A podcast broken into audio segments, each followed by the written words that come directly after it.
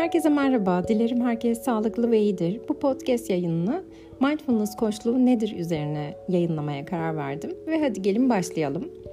Mindfulness nedirden başlayalım isterseniz. Şimdiki zamanda an beyan ortaya çıkan deneyime maksatlı olarak dikkati yönlendirmek, yargılamadan açık bir kabulle fark etmektir diyor John Kabat-Zinn. Ve Harvard Üniversitesi'nde yapılan bir araştırmaya göre vaktimizin %47'si geçmiş veya geleceğe düşünerek geçirdiğimiz zaman olarak belirlenmiş ve aynı araştırmada zihnimizin her geçmiş ve geleceğe düşünerek geçirdiği zamanların mutsuz zamanlar olarak geçirdiğimiz doğrulanmıştır. Ee, ve burada ortaya şöyle bir soru çıkıyor. Peki mindfulness ne değildir? Gelin bir de buna bakalım. Boş bir zihne sahip olmak elbette değildir. Duygusuz olmak değildir.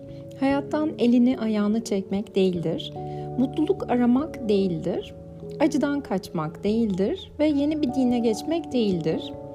Ee, yine bu makaleyi de Siegel yazmış. Ve hadi gelin koçluk tanımına bakalım.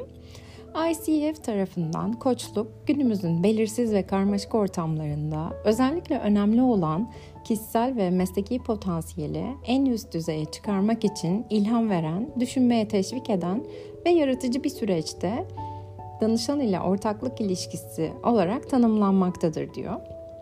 Peki koçluk nedir diye bir başlık var. Hadi gelin buna da bakalım. Koçluk, danışmanlık, mentorluk, rehberlik ve eğitim gibi diğer hizmet mesleklerinden farklı, danışan odaklı bir süreçtir. Profesyonel koçluk hedefler koymaya, çıktılar yaratmaya ve kişisel değişime yönetmeye odaklanır. Bazen koçluğu diğer kişisel veya örgütsel destek mesleklerinden ayırarak anlatmak yararlı olabilir. Terapi Birey, bireyde veya ilişkilerde iyileşme, işlev bozukluğu ve çatışma ile ilgilidir.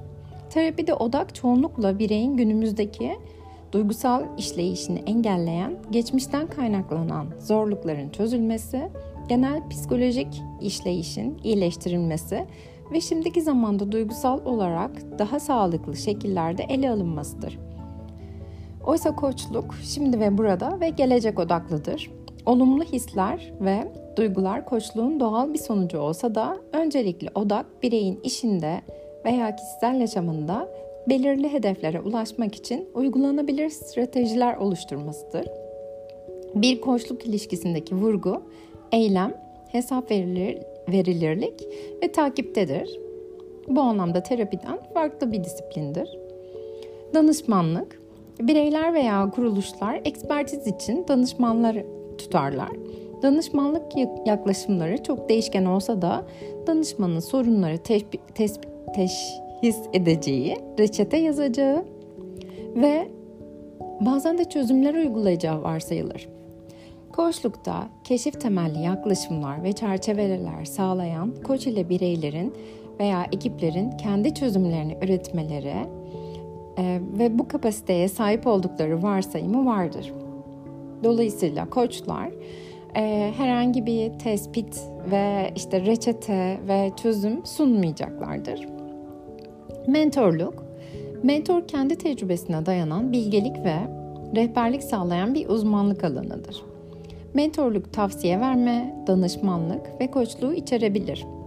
Koçluk süreci tavsiye verme veya danışmanlık içermez ve bunun yerine kendi hedeflerini belirleyen ve bu hedeflere ulaşan bireylere veya gruplara odaklanır. Bu anlamda koçlukta, mentorlukta birbirinden e, farklılık taşıyan iki farklı disiplindir. Ve eğitim. Eğitim programları öğretmen veya eğitmen tarafından belirlenen hedeflere dayanır. Koçluk sürecinde hedefler açıklanmasına rağmen koç tarafından sağlanan rehberlikte koçluk yapılan kişi veya takım tarafından belirlenir. Eğitim aynı zamanda yerleşik bir müfredatla örtüşen doğrusal bir öğrenme yolu olduğunu varsayar. Koçluk belirli bir müfredat olmadan daha az doğrusaldır. Ve spor koçluğu Spor metaforları sıklıkla kullanılsa da profesyonel koçluk spor koçluğundan farklıdır. Spor koçu sıklıkla daha fazla deneyim ve bilgiye dayanarak bireylerin veya takımların davranışlarını yönlendiren ve rehberlik eden bir uzman olarak görülür. Profesyonel koçlar bu özelliklere sahiptir. Ancak bireyin veya ekibin tecrübeleri ve bilgileri bu yönü belirler. Ayrıca profesyonel koçluk atletik gelişme aksine zayıf veya yanlış yürütülen davranışlara odaklanmamaktadır. Bunun yerine odak noktası bireyin güçlü yönleri ve yeteneklerine dayanarak gelişme fırsatını belirlemektir. Ee, ICF Türkiye'nin e, sayfasından da koçluk hakkında ve koçluk mesleğinin diğer mesleklerden farkını anlatan e, bu kaynağa ulaşabilirsiniz. Peki mindfulness koçluğu nedir? Hadi gelin bir de buna bakalım. Koç ve danışan arasında kurulan planlı ve profesyonel bir süreçtir. Mindfulness ve yaşam koçluğu uygulamalarını bir araya getirir. Danışanın hayatına bakmak istediği alanlarda farkındalık kazanması sağlanır.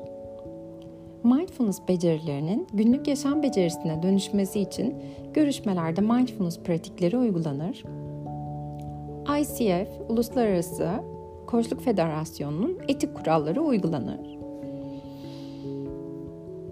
Kimler mindfulness koçluğu alabilir? Kendini tanımak isteyenler, yaşam kalitesini artırmak isteyenler, yaşam amacını sorgulayanlar, farkındalığını artırmak isteyenler, stresi yönetmekte zorlananlar, zaman yönetimi ve önceliklerini belirleme sorunu yaşayanlar, iş yaşamında başarılı olmak isteyenler,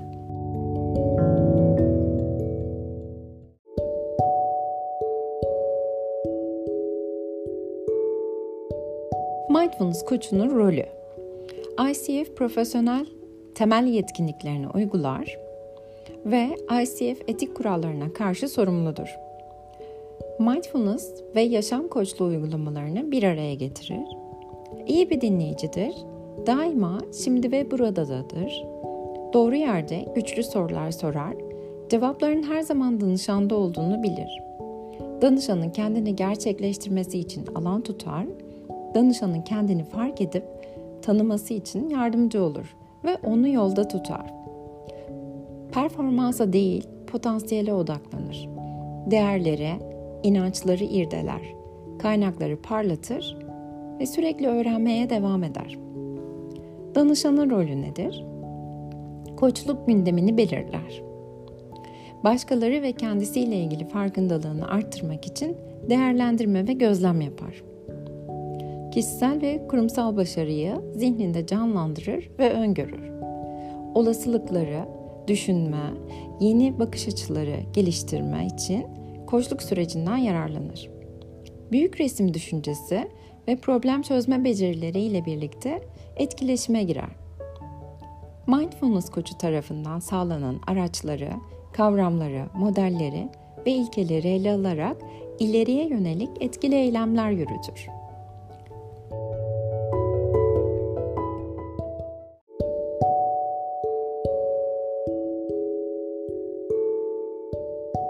Kısaca özetlemem gerekirse mindfulness koçluğu zihnini çok kez geçmiş ve gelecekte dolaştığını fark edenler için mindfulness tutumlarını günlük yaşam becerilerine eklemek isteyenler için uygun bir yöntemdir.